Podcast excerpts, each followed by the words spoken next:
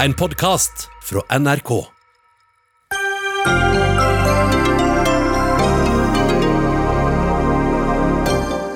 Tiltakene vi har levd med mot korona i halvannen uke, må vi leve med til minst over påske, og noen nye tiltak kommer til. For mange kommuner i Nord-Norge er ikke de nasjonale virkemidlene tilstrekkelige. Flere kommuner i nord har innført såkalt søringkarantene og egne smitteverntiltak. Musikk-Norge vil at eh, norske radiokanaler bare skal spille norsk musikk under koronakrisa. Ikke aktuelt, svarer NRK, som insisterer på å beholde sin redaksjonelle frihet. Og hvis Norwegian reddes, hva da med alle andre bedrifter, spør Aftenposten etter krisetiltak for flybransjen.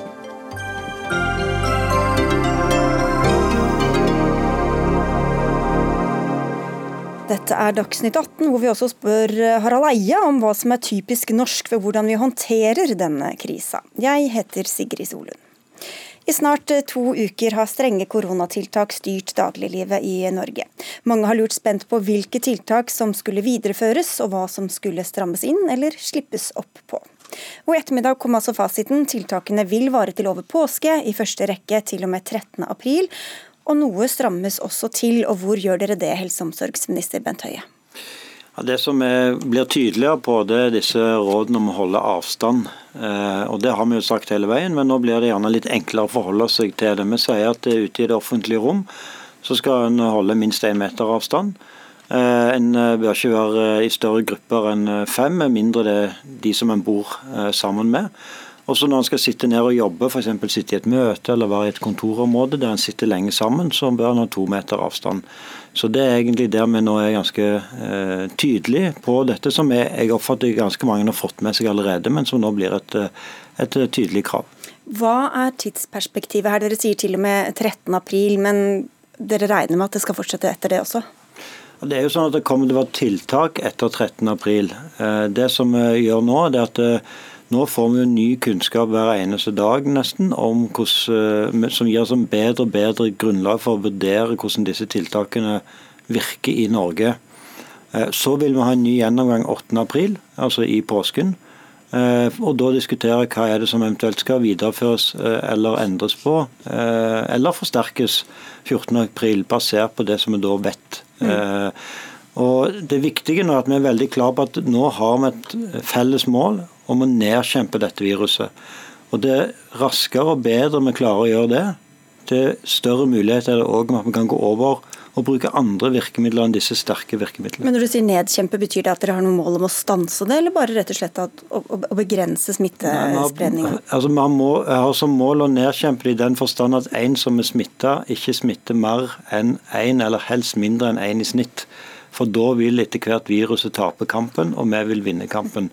Eh, og eh, Klarer vi det, så har vi muligheten til å gjerne gå over i andre måter å håndtere dette på. F.eks. hvis vi da har fått opp bedre sporings- eh, og testingssystemer. Sånn som vi har lært fra land i Asia osv. Og det er jo det som vi nå jobber med. Det er altså dere i Folkehelseinstituttet som uh, har tatt de faglige beslutningene som ligger bak de politiske. Camilla Stoltenberg, du er direktør der. Det er nå 2566 smittet så langt i Norge som vi vet om, og 12 dødsfall. Dere sier det er for tidlig å si hvilken effekt tiltakene har, men hva sier beregningene deres om hvor vi er om én uke, om to uker, om en måned? Aller først må jeg si at Det er ikke Folkehelseinstituttet som fatter beslutninger. Vi er et rådgivende institutt, og vi gir råd til Helsedirektoratet. I denne situasjonen så går jo de rådene også direkte videre til Helsedepartementet og for så vidt regjeringen via departementet. Så vi fatter ingen beslutninger. Jeg mente ja, okay. ja. ja jeg, sa, jeg, sa, det var politiske beslutninger, men glem det. Det er deres råd da, som, som ligger bak beregningene. Det, er helt riktig, det er våre råd. Det er jo også andres råd, fordi vi gir jo først og fremst smittevernfaglige og helsefaglige råd, selv om vi også tar hensyn til andre forhold, som f.eks. ringvirkningene for samfunnet. Men det er ikke det vi primært arbeider med. Men så til det du spurte om når det gjelder disse modellene. Vi har jo da i dag for første gang presentert tall fra modeller som er tatt i bruk eh, nettopp. Eh, dette er modeller som bygger på modeller som er utviklet bl.a. ved Imperial College i London og Oxford University i England, der den modellen fra Imperial College som ble lansert med resultater for bare en uke siden, eller litt over en uke siden, den førte jo eh, til at ikke den alene, men den førte til at den britiske regjeringen endret eh, sine metoder for å håndtere viruset. Og Den modellen har vi da tatt i bruk, og så har vi jo da, fordi vi nå har pasienter som blir innlagt på sykehus, et bedre grunnlag for å vurdere hva som faktisk foregår. Så Ved hjelp av den modellen, de nye dataene, så har vi da presentert disse tallene. Og med alle forbehold om at modeller kan ikke forutsi alt som kommer til å skje med denne epidemien, og vi er ikke sikre på tallene, så er det faktisk første gang vi har tall som har sin opprinnelse i virkeligheten og i en god modell som vi fester lit til. Eh, der viser vi at hvis man fortsetter slik, med metoder som eh, ikke er effektive nok i tiltak mot smittespredningen, så vil man ha dette høye smittetallet på 2,4 videre etter 12.4. Og da eh, regner vi med at vi i dag har ca. 146 000, nei, unnskyld, 13 000 smittede i Norge. Eh, det er det første estimatet for de mørketallene som vi har antatt har vært der hele tiden, og som vi har antatt økt i antall mye de siste ukene. Det er en usikkerhet rundt dette, så vi tror det befinner seg i området mellom 7000 smittede og 23 000 smittede, men det er likevel et langt langt høyere tall enn de som vi har testet og vet er positive. Men med, men med de tiltakene som vi har nå, hva tror dere når kommer toppen, og hvor mange smitta ser det ut til at vi kan få i Norge? Altså for å først forfølge akkurat det sporet der, Hvis det ikke, ikke, blir gjort noe, så regner vi med at om tre uker allerede kan være ca. 146 000 smittede i Norge. Et veldig høyt tall. Og så en sterk eksponentiell vekst de neste tre ukene uten effektive tiltak. Derfor var det riktig å iverksette tiltak 12.3. Og de tiltakene tar det litt tid før vi ser virkningen av, men vi ser i dataene, ifølge modellgruppen som jeg snakket med om dette i dag, at det har skjedd noe fra eh, lørdag, eh, slik at det nå er tegn til at kurven er slakere. Eh, så vi vil få en indikasjon på om tiltakene virker allerede mm. ja. noen dager. Men det betyr også at vi vet ikke da helt sikkert når toppen kommer. Nei, okay. For det er avhengig av om tiltakene virker og hvor godt de virker. Espen Rostrup Nakstad, du er fungerende assisterende helsedirektør. Dere snakka i dag på pressekonferansen som dere alle hadde felles om å isolere risikogruppene mer. Hva kan det gå ut på? Nei, Det er eh, en strategi som man må jobbe med nettopp ut fra dette føre-var-prinsippet om at hvis vi ikke skulle lykkes med å slå dette ned sånn som vi nå eh, satser på, eller hvis vi skulle få naboland som har et stort utbrudd, eller av andre årsaker få en oppblomstring på et senere tidspunkt også, så må vi ha en strategi eh, for å beskytte de mest sårbare gruppene. Og Det kan være ting som gode råd til eldre og risikogrupper, hvordan de skal forholde seg, hvordan de skal minimere risikoen for å bli smittet i forhold til andre. Det kan gå på ting at man klarer skiller mellom hvor man er hvis man er syk og hvor man er hvis man er frisk i samfunnet. Det er en rekke tiltak som, og gode råd som da eh, kan utgjøre en sånn strategi. Og Det er mange land som jobber med det da, nettopp for å være litt føre var også på det. Men Er det i stedet for at alle andre også skal ta forholdsregler, eller i tillegg til det? i så fall? Det, det er eh, tiltak som kan være veldig aktuelle hvis vi får en mer ukontrollert situasjon hvor det er mye smittespredning i samfunnet. Da blir det viktig at risikogruppene eh, er ekstra aktpågivende og, og passer ekstra ekstra mye på seg selv. Mm. Og Da er jo målet her Bent Høie, at uh, man skal kjøpe seg tid, det sa dere også flere ganger i dag. Både til å vente på en vaksine, vi vet ikke når den kan komme, men også til å bygge opp tilbudet i Norge. Så i hvilken fart og med hvilket mål bygger dere nå opp sengeplasser i Norge? Nei, vi bygger jo nå opp, så vi har jo da som sagt en eh, strategi som handler om å begrense smitten for å unngå å få en sånn topp. Det tror jeg de fleste nå har blitt kjent med etter de bildene som har gått på TV. Og sånt. Eh, og så er vi enda tydeligere på det nå, at vi, liksom, vi vil prøve å nedkjempe dette. Men så sier vi at vi kan jo ikke planlegge helsetjenesten ut fra bare at vi lykkes. Vi må faktisk planlegge helsetjenesten ut av at eh, vi ikke lykkes helt. Og Derfor så er vi også veldig tydelige på at vi må nå jobbe for å få opp se så Klarer vi å strekke dette med antall intensivplasser ytterligere utover de 925 som vi nå har anslått det er, er grensen? Eh, kan vi utdanne enda, trene opp enda flere helsepersonell til å kunne håndtere dette? Få utvikle enda mer utstyr? Eh, bruke lokaler. Så alle de samme tingene som vi egentlig har jobbet med hele veien. Men hvor mange og hvor fort? Nei, det, det, dette, vi, dette, er det jo høy trykk på, og det har det vært over tid. Men vi sier at det må vi ikke slakke på, vi må òg holde høytrykk på det. Og prøve å finne enda mange nye muligheter. Rett og slett fordi vi må ha en helsetjeneste som er forberedt på et verre bilde enn det vi kjemper for å få. Og så sa dere også at um, dere skulle bruke tida til å få best mulig behandling. Betyr det at man ikke vet hva som er den beste behandlinga for uh, covid-19 i dag? Nei, man, vet jo at uh, får du en viruslungebetennelse, så trenger du uh, hjelp til å puste. Enten det er oksygen eller pustemaskin hvis du blir ordentlig syk. Men her er det snakk om medikamentell behandling. Og Det starter jo nå bl.a. et forskningsprosjekt i Norge koblet til WHO, hvor man skal teste en, en revmatismemedisin, om den kan gi effekt. Og Det foregår masse ute i verden nå. altså Det skjer ting hver eneste dag i forhold til da hvilken behandling virker, hva virker ikke. Og også dette med håndtering av smitte og smittevern kommer det veldig mye ny kunnskap. F.eks. om barn smitter mange eller ikke, den type ting. Så her må vi følge med godt fra dag til dag og, og gjøre det beste ut av denne kunnskapen i Norge også. Ja, apropos dette med barn, Stoltenberg. Der har både NRK og andre skrevet i dag om et nytt eh, notat fra dere som gjelder akkurat dette med barn, eh, og i hvilken grad de smitter og blir smitta. Hva vet vi sikkert om det nå? Vi vet ikke så mye helt sikkert, det kjennetegner det meste av kunnskapen her. Men eh, vi vet at barn spiller en rolle når det gjelder å smitte, men ikke så stor. Og så har vi hørt her, Nakstad, at det er, eh, det er jo som vi vet godt nå, at det er eldre mennesker, mennesker med underliggende sykdommer som er mest utsatt. Samtidig hører vi om at også unge, ellers friske mennesker er blitt alvorlig syke i Norge. Stemmer det? Ja, det stemmer. Og når vi ser på tallene fra de som har vært gjennom dette, altså andre land, så ser vi at Sannsynligvis er det over 90% som får milde symptomer og ikke trenger behandling på sykehus. Men eh, de registrerte smittetallene nå viser jo faktisk at 10% av de som har testet positivt i Norge, eh, er på sykehus.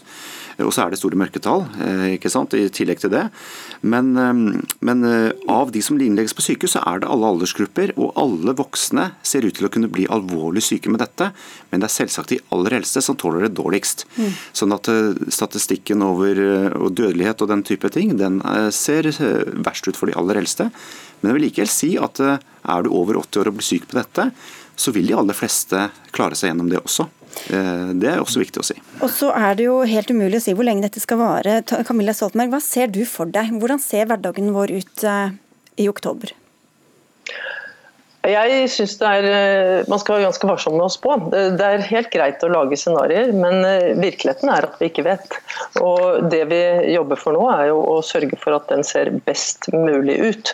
Men uh, uansett hva som nå skjer, enten man velger en bremsstrategi eller det skjer at man bremser, men ikke får til å undertrykke og holde epidemien nede, så vil det vare en stund. Det vil vare kanskje ett år, eller kanskje lenger. Men hva, Nakstad, Du sa at vi må ta inn over oss, eller dere tror at, at dette vil vare hele 20. Men kan vi begynne å møtes igjen, klemme hverandre igjen?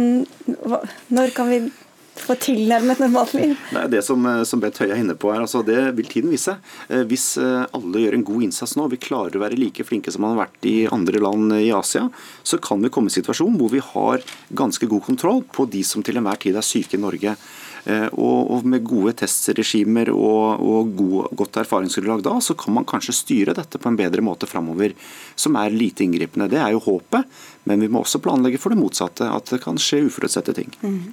Og så Noe som mange var opptatt av, som gjelder dette hytteforbudet, Bent Høie. Det opprettholder dere. Eh, det er mange som sikkert hadde håpet at det ble annerledes nå i mm. påsken. Hvorfor skal det være så strikt? Hvorfor ikke ha, bruke noe mer skjønn, sånn at de f.eks. som har to voksne som kan kjøre, kort vei til hytta, at, at det er litt mer lempa på, på kravene? Det er viktig å være klar over at vi har ikke innført dette av smittehensyn. Dette har vi gjort av hensyn til den lokale helsetjenesten. Sånn at Det som vi må hele veien se på, er liksom, hva er det samla trykket på den lokale helsetjenesten i mange av disse kommunene som er ganske det små. Det var egentlig det jeg også prøvde å få frem. for det, Da vil man jo tro at man er mer fleksibel, da, jo, man, hvis man er flere som kan kjøre f.eks. Det er jo noe med oss mennesker at vi har jo kanskje en litt overdreven tro på at vi er usårbare. Men det er jo sånn at eh, summen av tusenvis av mennesker på hytta i en liten kommune Hvert døgn så skjer det som ingen av oss tror skal skje når vi er på hytta. Noen kutter seg kraftig i fingeren av brødkniven. Noen ramler på holker og brekker lårhalsen. Noen får hjertestans, noen får hjerneblødning. Det skjer hvert eneste døgn. Eh, og Det er det som er belastningen på den lokale helsetjenesten. Når De sier at de bruker nå Røde Kors for å hjelpe til i kommunen med å kjøre ut medisiner. Eh, de bruker nå kommunelegen sin og de som før er på legevakten, for de staffer opp legevakten sin de, når det er påske og høytid. Men de folkene de jobber nå eh, døgnet rundt med å håndtere denne situasjonen. Så Det er det som er bakgrunnen for dette. Og Jeg ser at det er mange gode kreative forslag. Eh, men ingen av de som jeg har sett nå, tar nettopp hensyn til at det er summen av antallet som er på hytter som er problemet for disse kommunene. Så får vi da eh, vurdere dette framover, sånn som vi gjør med alle andre tiltak. Ok, Du blir sittende, Bent Høie, så sier vi takk for i dag, i hvert fall til dere to andre, Camilla Stoltenberg fra Folkehelseinstituttet og til Espen Ropstrup Nakstad fra Helsedirektoratet. Dagsnytt 18 alle hverdager klokka 18 på NRK P2 og NRK2.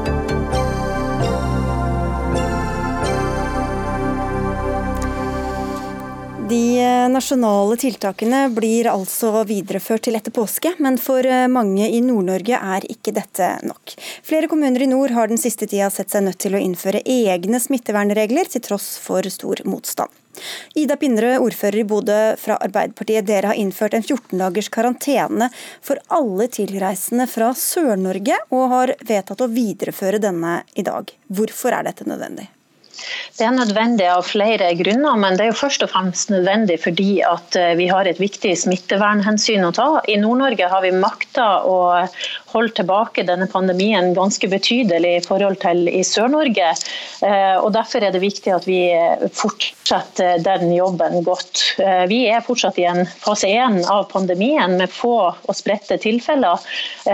Og med en så sårbar kapasitet som vi har på helsesida i nord, så er det viktig at, eh, vi gjør det vi kan eh, for å bygge opp den kapasiteten, samtidig som vi bremser utviklinga i pandemien. Og så er det viktig for meg å si at eh, Vi ønsker jo ikke å gjøre dette for å være vanskelig, vi ønsker å gjøre dette fordi at vi må ta vare på folkene våre. så Det skal vi også gjøre i forhold til næringsliv. og Derfor har vi også etterlyst en dialog og ønsker å gå i dialog og snakke om hvordan vi kan løse de tilfellene som er problematiske, spesielt i forhold til næringslivet. Vi skal se om vi får noe dialog her snart, men til deg først, Bent Høie. Det var eh, Monica Mæland, justisministeren, som tidligere i uka var eh, klar på at hun ville ha slutt på denne karantenen. Nå sier hun at dere jobber tverrfaglig med nasjonal veileder. Betyr det at det kan komme en åpning for sånne lokale regler? Altså det er jo først og fremst sånn at det er jo en åpning for det. Eh, og jeg har stor respekt for de ordførerne og de lokalpolitikerne som her står i en veldig eh, vanskelig situasjon og ønsker å beskytte og liksom holde smittetallet nede. Det er jo det jeg også har sagt at vi jobber for i Norge, så det har jeg stor forståelse for. Eh, og så er det jo sånn at Alle tiltak som virker på smittesiden, de må vi òg vurdere de negative sidene av. Så det er jo sånn at Vi har karantenebestemmelser f.eks. mot eh, Sverige og eh, Finland, men vi sier samtidig at de som er jobbpendlere, de omfattes ikke av dette. Eh, og Det er jo det som vi håper nå at vi kan få til en mulig løsning på. sånn at vi ivaretar det som alltid er det viktigste, liv og helse, men samtidig at de hjulene vi har i samfunnet som faktisk kan gå rundt, at de kan gå rundt. For det er nok bedrifter i dette landet dessverre som kommer til å gå konkurs som følge av dette. Og Da må vi finne løsninger som gjør at de som i hvert fall kan fungere og overleve, får mulighetene der. Og Derfor er jeg midt opp. Kan vi ikke nå senke skuldrene, ta ned konfliktene? Jeg tror vi alle har et felles ønske holde smittetallene nede, unngå okay. Eh, spredning av dette viruset. Og så har vi òg et felles ønske om å holde hjulene i gang. og Der tror jeg vi skal klare å finne løsninger. Konflikten er ikke helt over ennå. Ordfører Vardø Ørjan Jensen fra Miljøpartiet De Grønne, dere har innført enda strengere tiltak. Eh, alle tilreisende må i 14 dagers karantene. Dere har altså bare et par kjente smittetilfeller i hele Øst-Finnmark. Hvorfor er da dette et egnet virkemiddel? Ja, altså Bakgrunnen for uh, våre tiltak det er jo en lokal risikovurdering der vi har et uh, høyt antall eldre. Vi har minst fire timer til uh, sykehus langs vei hvis vi har godt vær. Vi har full vinter med vinterstengte veier, kolonnekjøring. Vi har lite ambulanser, ambulanseflytjenesten er på knærne osv. Og, så videre, og selvfølgelig vi har begrensninger i lokalt helsevesen hvis, hvis vi har et stort antall smitta. Og så er det sånn at um, Den karantenebestemmelsen som vi har innført, den åpner jo for samfunnskritiske funksjoner. Den åpner for uh, næringsliv. Vi har jo bl.a. Uh, rado, radomen som bygges på Forsvaret. Der er arbeidet i full sving. Det lokale energiselskapet bygger kraftlinjer. Uh, fiskeindustrien sender ut fisk. Så, så, det er ikke sånn at det er fullstendig stengt. Og som det var inne på tidligere, vi gir jo også pendlere anledning til å, å, å, pendle hvis de eh, for så vidt følger karantenereglene. Så, okay. så um, ja. ja. Stein Liransen, administrerende direktør i Norsk Industri. Du er redd for uh, arbeidsplassene, altså, men nå hører vi jo her fra begge disse kommunene i hvert fall at her er det åpninger for de som jobber. Ja, det er veldig godt å høre. fordi at Det viktigste er fleksible regler som gjør at vi kan holde hjula i gang. Men vi har jo erfaring fra at de reglene ikke er fleksible. Vi har mange erfaringer på at ansatte i industrien som bor i nabokommunen til der hvor bedriften ligger, ikke eh, får eh, unntak fra karantenebestemmelser, på tross av at bedriftene har knallharde regler. De kan transportere vedkommende rett til bedriften, ikke noe sosial omgang i kommunen. De har egne systemer på bedriften. De må skifte klær, du må vaske deg, du må dusje. altså De har mye strengere regler enn det samfunnet har. Men allikevel så får de ikke unntak, selv om bedriftshelsetjenesten f.eks. anbefaler det. Mm. Så vi opplever at det er ganske firkanta regler, eh, som innebærer at friske industriarbeidere ikke gis mulighet til å gjennomføre sitt arbeid og Hvis jeg da snakker om f.eks. prosessindustri med skiftordninger, så er det ikke så veldig mange ansatte som skal komme i en sånn situasjon før bedriften etter hvert stopper opp. Så Det er den virkeligheten vi opplever. Ja, Pinnerød? Det er litt vanskelig for meg å svare på vegne av andre kommuner, men eh, jeg kan si det at jeg tror at vi alle sammen, lokalt og nasjonalt, er eh, problemløsere i disse tider. Vi ønsker å samvirke og vi ønsker å finne gode løsninger i denne vanskelige situasjonen. Eh, og så har vi hatt en dialog, ordførerne bl.a. i starten i dag, og også tett dialog med flere ordførere i hele Nordland og Nord-Norge. Og det er unison tilbakemelding at man ønsker å finne samla løsninger og fleksible løsninger som kan eh, gjøre det lettere. Men jeg tror at man må ha en respekt og forståelse for at eh, dette har kommet også veldig på oss, eh, og vi har stått i krisehåndtering alle sammen. Og så tror jeg at når man har sånne kriser, så må man sette seg ned og snakke i lag og finne løsninger der, der det er mulig. Og det er absolutt mulig. Og dialog etterlyses fra alle her, Hansen. Har dere vært med på den dialogen, da? I liten grad. Jeg kan jo ta et eksempel. Eh, både LO, NHO, Fylkesmannen og andre instanser i Nordland har bedt på sine knær om å unngå spesielle karantenebestemmelser på Helgeland. Og de har møtt en kald skulder. Og Det er ikke snakk om nord-sør-konflikt, det er jo snakk om nabokommuner i, i, Nordland som da rammes ved at ansatte i nabokommunen ikke får reise til den kommunen hvor bedriften er. Så Det er jo ikke snakk om noen nord-sør-konflikt, det er også en konflikt øst-vest, og som rammer kommuner i samme region. Sånn at det, det, er litt for enkelt. Men jeg, jeg, setter veldig pris på det vi nå hører fra ordføreren i Bodø og Vardø. Hvis vi hadde opplevd det i, i, det daglige liv, der hvor våre bedrifter sliter, så hadde konflikten vært mindre. Men jeg har lyst til å si en ting til. Det er jo en gang sånn at eh, Folkehelseinstituttet anbefaler ikke den type tiltak. fordi at Hadde vi fulgt de reglene som gjelder meg personlig for i forhold til renslighet, fulgt regler om å ikke være for mange i samme rom, nå er det fem stykker, fulgt regler om å holde avstand, så ville vi antageligvis ha løst det problemet uten den type konflikter som vi nå sitter og diskuterer. Ja, Vi kan ta den til deg, eh, Jensen. for Du snakket jo om eh, at det er jo av, av smittehensyn dere har gjort dette her. Men det hører, altså skyter dere spurv med kanoner her, kan man jo spørre da? Nei, De tiltakene som vi har innført, det, det, det, betyr at vi har eh, god oversikt over dem som kommer inn og ut av eh, kommunen. Og, og Hvis vi får et utbrudd av smitte, så kan vi identifisere smittekilde og smittekjede. Og vi kan iverksette tiltak eh, raskt. Og Det er jo for at vi skal ha en kontroll, fordi at vi er en sårbar kommune. Og for at vi ønsker å ta vare på våre utsatte grupper og hindre ei, ei bratt kurve med, med mange smitta samtidig. Så vil jeg jo si at Når man har karantene for folk som kommer fra andre land enn Norge med mindre smitte enn man har i Norge, så, så er det jo også naturlig å ha en, en, karantene for folk som kommer fra Norge til områder i Norge helt uten smitte. Så, så, så det er sagt. Ok, Høie kan få svare på det, først. Hva er egentlig forskjellen på dette, Høie, å ha landegrenser eller på smittegrenser, så å si? Nei, det er jo En vesentlig forskjell er f.eks. For har sagt at uh, arbeidspendlere fra Sverige og Finland har ikke karanteneregler nettopp for å ivareta hensynet til, til, at det er mange som bor og jobber på landegrensen. Så vi kunne ikke ha det der. Eh, og Det som òg er viktig i denne situasjonen, er at vi har jo noen felles spilleregler som ivaretar veldig mye av dette hensynet. Så at vi sier vi skal ikke reise unødvendig. Det er en nasjonal bestemmelse. Vi sier at en sitter og jobber innenfor et samme arbeidssted over tid, så skal vi nå ha to meter avstand alle disse felles spillereglene de er det mye lettere for næringslivet vårt å forholde seg til. Eh, og de virker jo òg smitteforebyggende. Og så har jeg stor forståelse for det lokale eh, eh, ønsket. Og da er jo spørsmålet kan vi òg finne at vi blir enige om noen felles spilleregler. For det som òg er vanskelig tror jeg for de som ikke bare næringsliv, men dette er også vanskelig for helsetjenesten. Helsetjenesten har òg folk som jobber på tvers av både lands, lands, landsgrensene og kommunegrensene. Det er rett og slett, Hvis en kunne hatt noen felles spilleregler, men slapp å forholde seg til ulike fra kommune til kommune, det hadde òg vært en veldig styrke i denne situasjonen. Ok, avslutningsvis, Lir Ja, det som jeg synes er ulogisk, det er jo at en begrunner denne nord-sør eh, med at det er mer smitte i sør, og det derfor vil begrense reise fra sør inn i nord. Men dere innfører jo også karantene mellom kommuner i nord. Altså i en region hvor dere påstår at det nesten ikke er smitte. Og det fremstår som ganske ulogisk. Sånn at eh, det å få rydda opp i det, det å få litt mer ensarta bestemmelser, og heller legge vekt på de generelle smittebegrensende tiltakene som anbefales av våre beste eksperter, det tror jeg ville ha vært bra for næringslivet og vært bra for smittespredninga i Norge. Dere, Vi må takke dere, men før du går, Bent Høie, vi skal straks nå diskutere det som blir kalt den umulige debatten, nemlig hvilke har, følger disse tiltakene har for økonomien, og hvordan dette skal veies opp mot hverandre. Er du sikker på uh, at det dere gjør nå ikke har for stor kostnad? Ja, Vi er jo helt sikre på at det som er alternativet til det vi gjør nå, det ser vi jo dessverre konsekvensen av i en del andre land, med enorme kostnader. Ikke bare uh, for menneskeliv og helse, men òg for økonomi.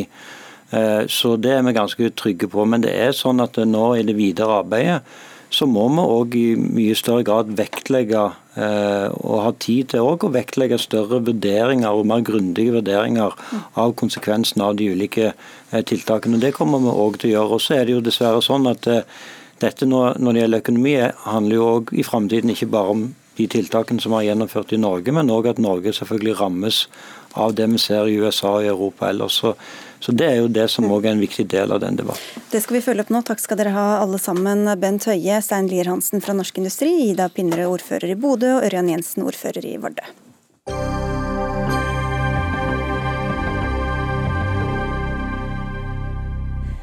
Bør norske radiokanaler bare spille norsk musikk nå når norsk kulturliv er i krise, spør vi snart her i Dagsnytt 18. For det er krise for mange. Mer enn 10% av arbeidsstyrken er arbeidsledig, viser tall fra Nav i dag. Tallet på nordmenn uten jobb har skutt i været etter innføringa av de strenge smittetiltakene, og det bekymrer mange. Blant andre deg, Karen Helene Ultveit Moe, professor ved Økonomisk institutt ved Universitetet i Oslo. Og du etterlyser bedre økonomiske vurderinger av disse tiltakene. Hvorfor er det viktig nå, midt oppi denne situasjonen? Jo, det er, det er viktig rett og slett fordi at økonomi og helse henger også sammen. Vi ser en eksplosjon i arbeidsledige. Vi vet at det også vil få eh, alvorlige helsemessige konsekvenser. Så det er jo på en måte, det er jo veldig viktig at vi nå doserer medisin i riktig mengde. Eh, og Derfor så mener jeg at vi må ta, være helt sikre på at de tiltakene vi benytter, har minst mulig skade. Så jeg etterlyser jo type, altså Vi må ha en kost-nytte-analyse av det vi gjør. Og så har jeg respekt for at de første ukene her så blir det mye armer og ben, men så mener jeg nå begynner vi å nærme oss et punkt hvor vi jo rett og slett må være sikre på at vi gjør det helt riktig. Og da legger jeg mye merke til at Sverige har lagt seg på en helt annen strategi. De er et ganske lignende land til Norge, så det er jo åpenbart og enn så lenge en strategi med atskillig mindre ødeleggende økonomiske konsekvenser. Øystein Dørum, sjeføkonom i NHO. Deres bedrifter merker jo disse nedgangstidene godt nå, men får også nyte godt av tiltakspakker. Burde økonomien veid tyngre i vurdering av de tiltakene som regjeringa har innført? Jeg tror jeg skal starte med å si, og som også Karen Helene var innom, at eh, det som nå skjer, har eh, betydelige økonomiske konsekvenser for Norge generelt, for bedriftene og for norske arbeidstakere. Og hvis dette varer lenge, eh, så vil vi snakke om 2020-kullet som en, en, tapt generasjon. Som, som de ungdommene som fikk en dårlig avslutning på utdanningen sin og en dårlig start på yrkes, yrkeslivet sitt, og potensielt også sosiale problemer, noen av dem som, som en konsekvens av det. Og en, en avveining av gevinster knyttet til tiltakene eh, som nå gjøres, opp mot de økonomiske kostnadene dette påfører oss, er helt uunngåelig. Altså en kost-nytte-analyse som, som Karen Helene etterlyser. Den må selvfølgelig gjennomføres.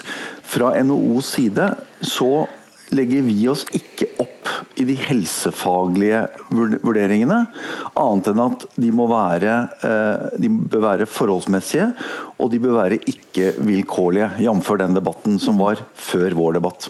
Men uh, Ultveit Mo, med så mange X-faktorer, hvordan skal man klare å beregne hva som, altså hva som er kost-nytte-verdien av de ulike tiltakene?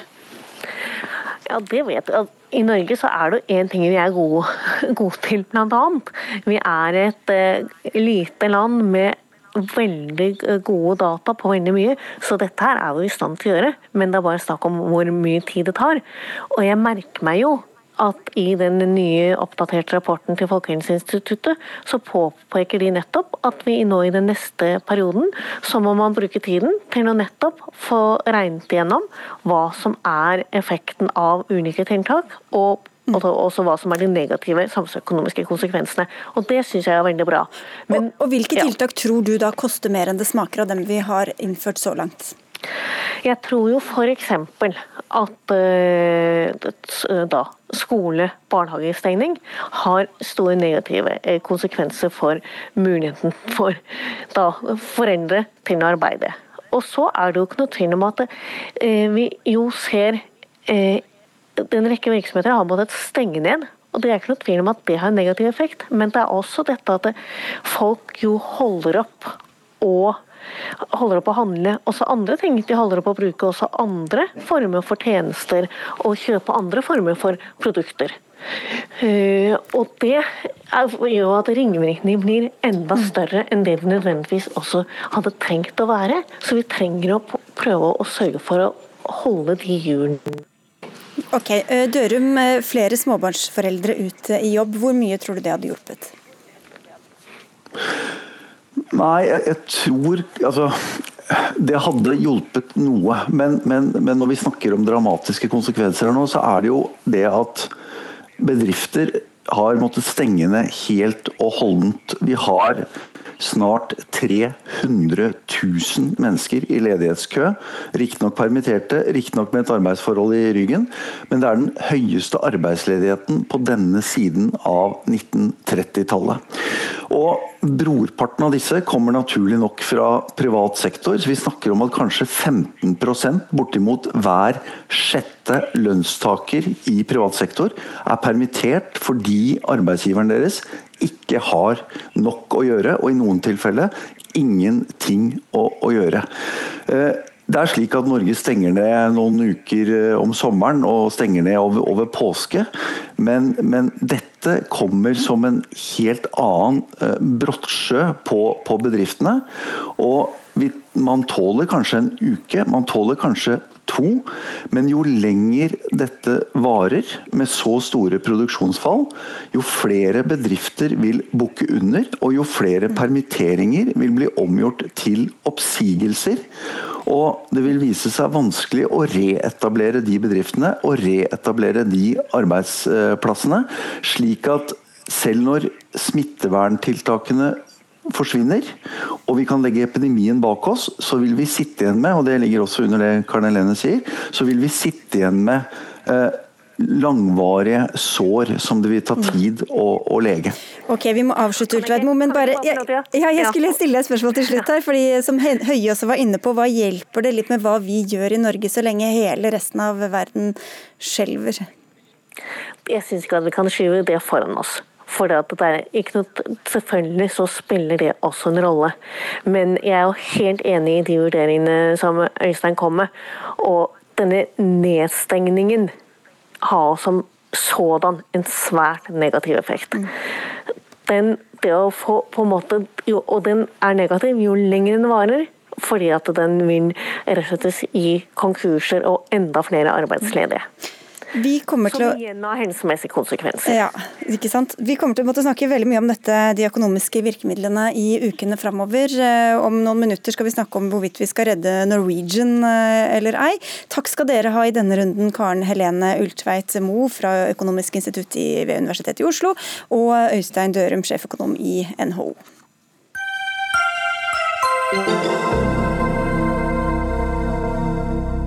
De mange tiltakene vi har vært innom skaper også masse debatt nordmenn imellom. Noen vil ha strengere regler, andre savner mer fleksibilitet og syns vi går for langt.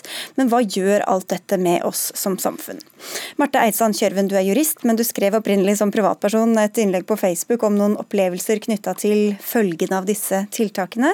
Agenda Magasin plukket opp teksten. Hva var det som fikk deg til å reflektere over dette? Ja, vi har jo sett i de siste ukene sånn eh, økende, en økende temperatur eh, blant eh, mennesker. For så vidt både ute fysisk og ikke minst på nett. Så jeg satt en, en, søndag formiddag og reflekterte litt over det, etter å ha fått litt kjeft på butikken for å ha kommet i skade for å, å komme litt nærmere en, en meter fra personen eh, foran meg. Eh, så har jeg lyst til å bare si at dette, det innlegget handler jo om nettopp som du sier, hvordan vi skal forholde oss til hverandre, og om det er særlig konstruktivt med all denne kjeftingen, bl.a. Både fra et menneskelig og for så vidt også et juridisk perspektiv. Men det har jo resultert i selvfølgelig en del kjeft, da. Eh, i dag på, i kommentarfeltene, så jeg vil bare si at det er selvfølgelig Støtter opp under tiltaket. Ja, ja, ja, Da har vi lagt, fått unna den. Harald Eia, du er sosiolog og du har brukt masse tid på å studere nordmenns natur og kultur for så vidt i programmet Sånn er Norge. Hva skjer med et samfunn som er preget av mye sykdom og frykt for smitte, som vi ikke har vært, men som vi er akkurat nå?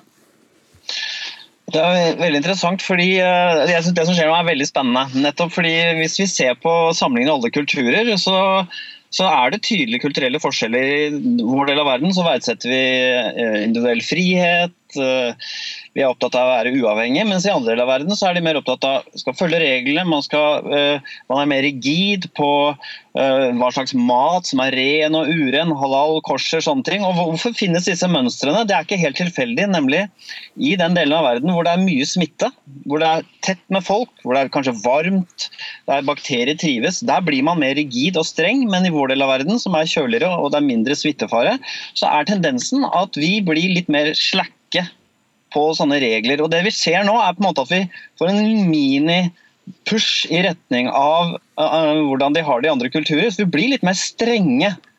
Uh, overholde være rigide.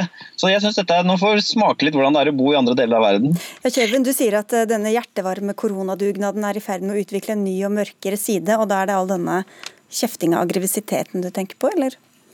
Ja, eh, Det som på en måte utløste det for, eh, for min del, var for så vidt at vi fikk eh, rett og slett politiet på døra. Eh, forrige uke da var det noen som hadde ringt inn og eh, i nabolaget og meldt fra om at det var noen personer som gikk fra, fra dør til dør. Noen mistenkelige personer. Eh, så politiet ringte på og lurte på om vi hadde sett noen mistenkelige personer. og Jeg skjønte ikke helt hva det handlet om, til jeg, eh, det demret for meg at dette måtte være eh, nabolagsungdom som hadde vært og solgt eh, avis. Mm. Og det er jo første gang jeg har fått uh, politiet på døra uh, etter, etter avisselgere, for å si det sånn. Um, Harald Eia, du, du, sa det selv at vi er jo individualister, vi er glade i å bestemme selv. så Hvordan passer det med at vi nå bare får beskjed om å gjøre dette, og så må alle gjøre akkurat det samme? Da, da, da, får vi et push i altså For det første så er jo alle litt redde nå. og Da, da blir jo den eh, veldig uavhengigheten vi elsker, den blir en slags luksus vi ikke kan unne oss. Men det som også skjer samtidig, er jo at fordi vi har veldig tillit til myndighetene, og vi syns at eh, de som styrer landet er flinke folk, og det gjør at når de kommer med et råd, så syns vi det er fornuftig. I hvert fall hvis det kommer noen argumenter. Da. Og da vil vi følge det fordi vi stoler på deres uh, vurderinger. Så Det er to ting som skjer samtidig. sånn som jeg ser Det Det er både det at vi ikke lenger føler på at det går an å være så slakke som vi vanligvis er. Og så, hold deg én meter unna i butikken, hvor vanskelig kan det være? liksom? Og på den annen side at vi er jo, Det er ikke det at vi er lydige, men vi syns at det er fornuftige folk som sitter på toppen. og det, Da er vi enige, og da følger vi det. Ikke fordi vi er redde, men fordi vi er enige. Og Når kan det da bli satt på prøve, denne lydigheten og enigheten? Det tror jeg skjer hvis vi ikke forstår grunnen til det. Eh, vårt samfunn er jo basert på at vi får forklart grunnene. Det er ikke sånn at vi bare adlyder. Som i mer autoritære samfunn enn Kina, så får de bare beskjed om å gjøre ting. Mens vi i Norge så gjør vi det gjerne, men da vil vi gjerne høre grunnene først. Og Det er veldig spennende det som skjer nå på en verdensbasis. Hvilket system er best? Kina, det autoritære eller vårt, det demokratiske. Hvem kommer til å vinne dette her? Det er veldig veldig spennende. Ja, for Det er jo noen som lengter litt til Kina nå, hvor de ser der gjør myndighetene bare akkurat det de vil, og så, og så, får, de, så får, det også følger i form av mindre smitte f.eks. Ja, det er lett å få tenke at de vil vinne, deres opplegg er best. I, men det forskning tyder på er at du kan være heldig når du har et diktatur. altså Når det sitter noen få folk på toppen og bestemmer, så kan du være heldig at de gjør veldig gode beslutninger. Men som ofte så gjør de dumme ting. Fordi de har ikke den kontakten ned i folkedypet. Så jeg tror at vi i demokratiene vi ender ikke alltid opp med det beste, men vi ender opp med nest beste. Og da vinner vi det lange løp. Så jeg, men det er kjempespennende. Og Kina er veldig høye på seg sjøl nå. Dette, dette, viser at vårt opplegg er best. Jeg tror vi tar feil. Kjørven, du er jo også jurist, som jeg nevnte. Hva frykter du kan skje hvis panikken nå virkelig brer om seg?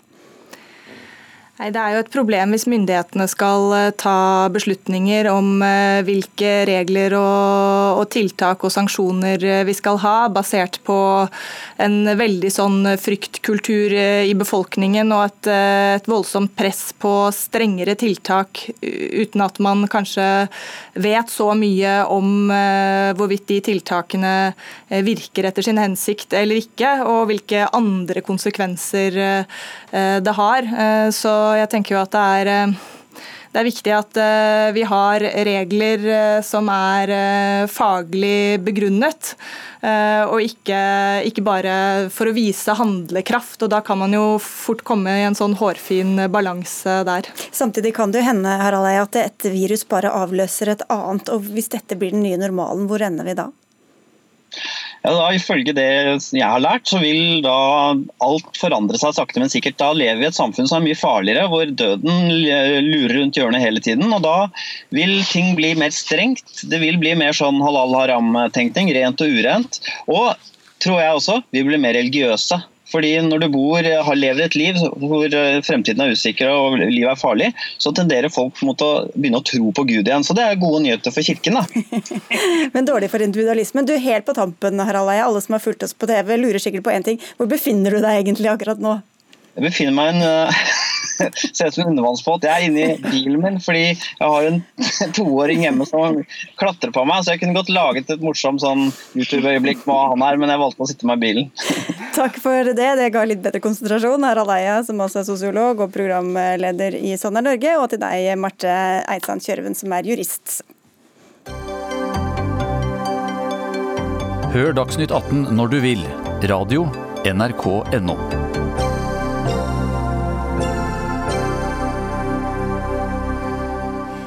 Musikkbransjen er blant dem som rammes hardt nå når samfunnet nærmest stanser opp pga.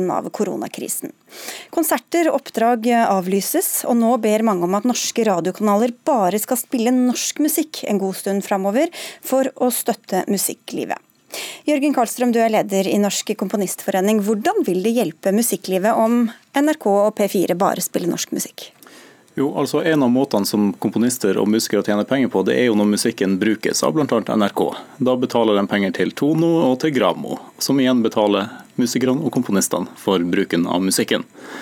Så om eh, NRK bruker mer norsk musikk, så går det mer penger til norske musikere og komponister. Og det tror vi er bra. Og Hvorfor er dette radiostasjonenes ansvar å sørge for at mer penger strømmer i den retninga? Å ta vare på norsk kultur og norsk musikk det er en sentral del av det oppdraget som NRK har blitt gitt av det norske folk som allmennkringkaster. Og Nå bidrar hele samfunnet i en eh, dugnad. Og Vi syns det har vært kjempebra om NRK også blir med på den dugnaden. NRK sine inntekter er tross alt ikke trua av krisa, på samme måte som de mange sårbare økonomiene ute i musikklivet. Så vi vil oppfordre NRK til å sjøl ta dette valget. Øyvind Lund, strategi- og mediedirektør i NRK. Hvorfor kan ikke NRK bare spille norsk musikk en periode nå i denne krisa? Eh, jeg vil først få lov til å si at eh, vi forstår veldig godt at veldig mange nå eh, i norsk kulturliv er i en veldig spesiell og vanskelig situasjon. Vi har likevel ment og mener at de valgene vi gjør på musikkfronten er redaksjonelle. Og at vi også i denne tiden ønsker at eh, det skal være redaksjonelle valg som styrer, styrer vår, eh, våre musikkvalg.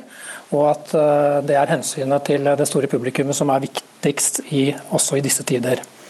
Men Tror du ikke at publikum ville ha forståelse for at nå var det en dugnad også fra NRKs side, da?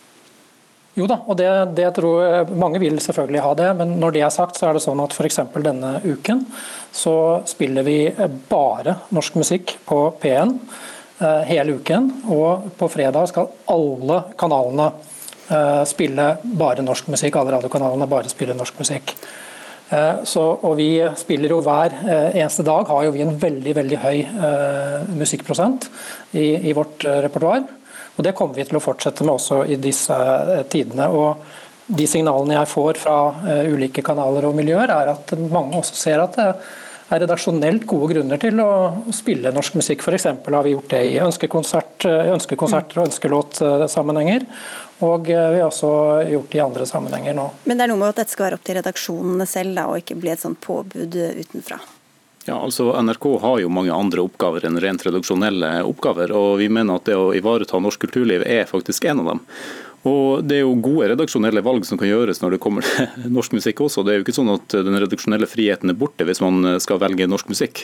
Eh, det er veldig veldig mye bra norsk musikk, både som er skrevet av norske komponister og som er framført av norske musikere. Så her syns vi at det er tilstrekkelig stor frihet til å velge noe som eh, vi tror vil ha kjempestor sympati blant, publikum, og det vil faktisk kunne bidra helt konkret til at de effektene som eh, kan komme på lang sikt for norsk musikkliv, blir dempa. Ja, hvorfor er ikke dette midt i, eh, i kjerneområdet for, for, NRK, egentlig, Øyvind Lund? Altså, norsk musikk er jo kjerneområdet for NRK, og vi gjør hver eneste dag eh, prøver å gjøre en god jobb for, for, norsk, for norsk, musikk. Men har ikke man gjort enda mer, da? Ja, man kan alltid gjøre enda mer, men er samtidig er det viktig eh, for oss at vi tror nok også det er eh, andre behov i, eh, i samfunnet. Bl.a. å høre også i denne tiden musikk som ikke bare er norsk, selv om vi spiller veldig mye norsk musikk. Mm -hmm. Jeg syns nesten det er et selvstendig poeng i seg selv at i en tid hvor, hvor grenser stenges og og vi isolerer oss, så er det også viktig å ha noen vinduer ut mot verden, og også på musikkområdet. Danmarks Radio har jo akkurat gått med på, etter å ha hatt et møte med den danske kulturministeren, å spille 80 eh, dansk musikk i den perioden som kommer nå de neste par ukene, så lenge tiltakene varer. Og eh, Vi kommer til å ta det her opp med departementet i Norge også. Vi har allerede spilt inn et forslag om at NRK bør spille 80% musikk, målt på to parametere. 40% av norske utøvere og 40% av norske komponister i den perioden her. Eh, og Vi kommer til å følge opp det med å be om et møte med kulturministeren i etterkant av det her. Men, men de som er ute etter ny musikk fra hele verden, da, da mister man jo masse radiolyttere? Altså, Det tror jeg ikke på. Eh, jeg tror at norsk musikk er veldig populær, og jeg tror at det er en kjempestor sympati for den veldig eh, prekære situasjonen som hele norsk musikkliv er i akkurat nå. Ikke bare musikere og komponister, men også forlag, plateselskap, managere, arrangører. Eh, hele musikklivet er i krise, og vi trenger alle mulige bidrag, og spesielt fra NRK. NRK sitt bidrag inn i i eh, musikkøkonomien til den som har laget musikk, er like stort som konsertområdet. Så her kan NRK gjøre en betydelig forskjell. Og Hvorfor skal NRK vurdere dette så annerledes enn Danmarks Radio, Øyvind Lund? Ja, altså da er Danmarks Radio som vidt jeg har forstått, de har eh, valgt nå i to uker å spille 80 mus eh, dansk musikk. På to kanaler. Og vi tenker at vi har nå på den aller største kanalen nå spiller vi 100% norsk musikk denne uken på P1 og på alle kanalene. I tillegg til at vi ligger veldig høyt i vår, gjennomgående i vår, i vår musikkvalg på norsk musikk. Så er det også det viktig, men det er, viktig, det er viktig og riktig som, som Jørgen Karlstrøm sier, at dette er jo, dette er jo en veldig spesiell situasjon for hele kulturlivet. og Vi jobber vel egentlig nå, vi jobber etter to spor nå. Det ene er å prøve å opprettholde mest mulig av vår virksomhet, eh, som også engasjerer kunstnere og frilansere, produksjonsselskaper eh, som er berørt av dette. Og så forsøker vi også å jobbe eh, litt eh, tettere på de eh, akutte behovene og den kreativiteten som nå finnes ute i kulturlivet, som vi ser okay. denne spesielle situasjonen skaper. Da. Vi må avslutte. Jeg regner med at du er, har Kulturdepartementet på tråden med tanke på mulig oppfølging. Det kan du regne med. Takk skal du ha, Øyvind, nei, Jørgen Karlstrøm, og takk til deg også, Øyvind Lund fra NRK.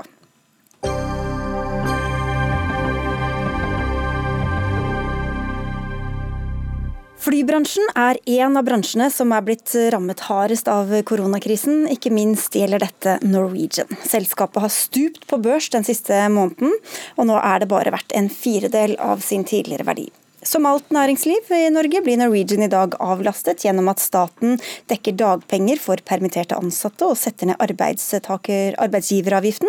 I tillegg er både flypassasjerer og lufthavnavgiften fjernet midlertidig for flyselskapene, som også i helga mottok milliarder i lånegarantier. Men bør myndighetene redde selskapet? Ikke ifølge en leder i Aftenposten hvor du er kommentator, Andreas Slettholm. Hvorfor skal ikke fellesskapet spytte penger inn i Norwegian nå? Uh, nei, luftfarten som alle andre er som du sier, en veldig vanskelig situasjon og trenger hjelp. Men det er jo et spørsmål om omfanget da, og hvor du på en måte skal sette grensen. Og Det som er, uh, det er jo helt åpenbart at Norwegian er det selskapet som trenger mest hjelp. Derfor er altså lånegarantiene høyest for dem. Uh, og, og, og det skyldes jo da at den situasjonen selskapet er i, også er eh, pga. problemer som er eh, det man kan kalle selvforskyldt, da, som ikke skyldes koronakrisen. Hva, er det du tenker på da? Nei, altså Norwegian har vært drevet uh, som et Eh, risikabel, altså med en risikabel forretningsstrategi over eh, lang tid. Har en veldig stor eh, gjeld og en forretningsmodell som er avhengig av et veldig stort volum. Sånn at det er mange analytikere som har pekt på at bare en liten krise av, annen, av et eller annet slag kunne sette dette selskapet ut av spill. Og så er altså paradokset at nå kommer det en kjempestor krise, og da skal staten inn og redde et selskap. Ja, hvorfor skal Norwegian belønnes med våre skattepenger, Tom Christer Nilsen, stortingsrepresentant for Høyre, når de ikke selv har sørget for å gå bedre fra før av? Ja, det syns jeg ikke er en riktig framstilling av, av situasjonen. Hva er det som ikke stemmer der? Nei, jeg mener at det er ikke noen belønning i dette som, som her ligger.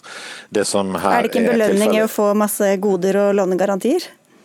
Jeg vil ikke si at det er noen belønninger for lånegarantier. Eh, alle disse selskapene får, eh, får eh, lånegarantier, også Norwegian. Norwegian får større hvis de gjør noen tiltak.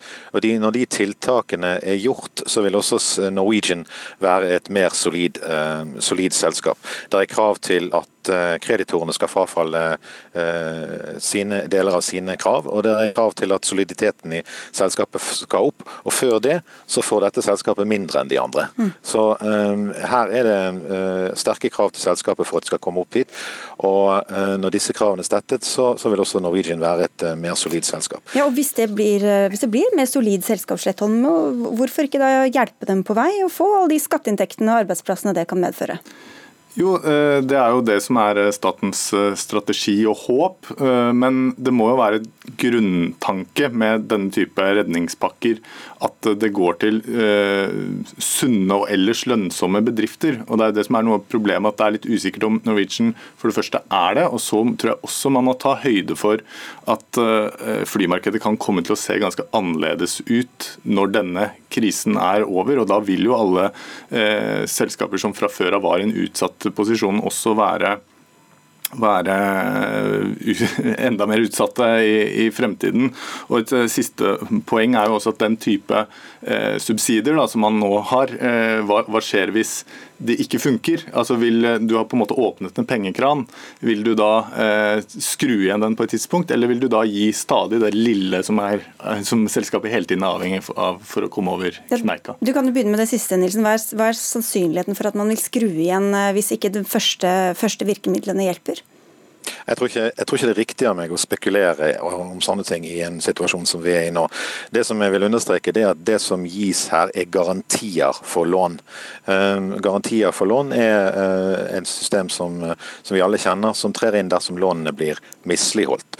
Slik at uh, det er, Så lenge man oppfyller de kravene som, som er i, for å få disse garantiene, så er det gode sjanser for at, for at det aldri vil bli tilfellet. At staten aldri aldri må innfri, eh, innfri de garantiene. Samtidig så vil jeg si ja, det er nok mange bedrifter i eh, Norge i dag som kanskje ville hatt problemer uansett, og som vil nyte godt av eh, noen av de tiltakene som settes i gang i forbindelse med, med koronakrisen, enten nå er permitteringsregler eller obligasjonsfond eller lånegarantier. Men altså, akkurat i denne situasjonen så er jeg litt mindre bekymret for at vi hjelper én for mye, enn at vi hjelper én for lite. Og det, Der syns jeg på en måte vi skal ha et kaldt hode og et varmt hjerte. men akkurat i denne lederartikkelen så syns jeg kanskje kulden gikk litt langt ned for halsen på, på Aftenposten. Ja, det, det, får vi bare ta til etterretning. Men problemet er, jeg bare forstår ikke helt om det er sånn at du mener at Norwegian da skal reddes for enhver pris, eller er du beredt til at til å se det selskapet gå konkurs? Altså jeg, jeg, vil, jeg, vil, si at jeg vil ikke spekulere i, i hva eh, den endelige hjelpepakken for Dere har vel en eh, plan, har dere ikke det, for, for hvor langt dere er villige til å gå? Men eh, det er helt uansvarlig av meg å sitte og spekulere i hva fremtidens, eh, hva fremtidens eh, eventuelle hjelpetiltak for luftfarten vil, vil, måtte bli eller ikke bli. Det blir, det blir helt men, men, Til et annet av de poengene som Slettholm var inne på, for vi vet ikke hvordan flybransjen vil i det hele tatt operere fremover. En ting er jo frykt for smitte og, og, i det hele tatt hvordan dette vil bli. I tillegg så er det jo også noe av det mest øh, Å fly er noe av det vi mennesker kan gjøre som gir størst klimaavtrykk. Så hvorfor skal man da øh, demme opp for eller liksom legge opp til mer aktivitet i en bransje som vi egentlig også samtidig vil ha mindre av? Vi legger vel ikke opp til mer aktivitet, vi legger vel opp til å forsøke å berge den infrastrukturen vi har. Eh, og eh, sørge for at de folkene som jobber der i dag, har en jobb å gå til. Også når krisen, krisen, krise, krisen, er over. Men eh, hvis vi skal begynne å gjøre den typen vurderinger, hvilke selskaper som er verd, verdifulle nok, verdi nok, har verdi nok, eller er, er, er hellige nok til å, til å reddes, så tror jeg vi får en helt u umulig jobb. For det finnes uh, i dette landet ganske mange selskaper som, som jobber f.eks. innenfor fossil energi. Uh, vi har en ganske stor uh, sektor i olje- og gassenergien som også kan bruke samme logikken på som du nå, nå brukte. Og Det syns jeg blir helt feil. Og det ville være veldig rart hvis vi skulle droppe å hjelpe vår flyindustri når resten av verden gjør det. Men her er det, altså det er jo, Norwegian er jo ikke et hvilket som helst selskap når det kommer til hva slags eh, utsatt posisjon de hadde på forhånd. Dette er jo et selskap som har slitt lenge. De har gått to milliarder i underskudd tre år på rad. Eh, de har en veldig risikabel forretningsstrategi. og Dette eh, handler jo litt om at det er et selskap som har tatt risiko, hatt gevinst i gode tider, men som nå eh, ser ut til å skjermes eh, for den ubønnhørlige negative delen. Eh, men at man bør være beredt til å ta tap i, i dårlige tider. Men er det mer gunstig hvis vi går tilbake til et eh, flymonopol eh, i Norge, da? Ja, jeg vet jo ikke, det er jo, Nå skal ikke jeg spekulere heller, men jeg, eh, det kan jo godt tenkes at eh, Norwegian, hvis det skulle da eh, forsvinne som selskap, at det vil stå andre klare til å utfordre SAS da, eventuelt på innenriksmarkedet i Norge dersom prisene deres skulle tredobles over natta, som er jo et sånt historisk argument for noe av det bra som Norwegian har gjort. Men, men jeg tror ikke at konkurransen er avhengig av at det eksisterer et selskap som heter Norwegian. Vi får se om det gjør det når eh, de nærmeste ukene er gått. Tusen takk skal dere ha, Tom Christer Nilsen, stortingsrepresentant for Høyre, og Andreas Slettholm, som altså er kommentator i eh, Aftenposten. Dagsnytt 18 eh, er ferdig for i dag. Det var Anne Katrine Førli som hadde ansvaret for sendinga. Lisbeth Sellereite hadde det tekniske ansvaret. Jeg heter Sigrid Solund, og i morgen er Espen Aas tilbake.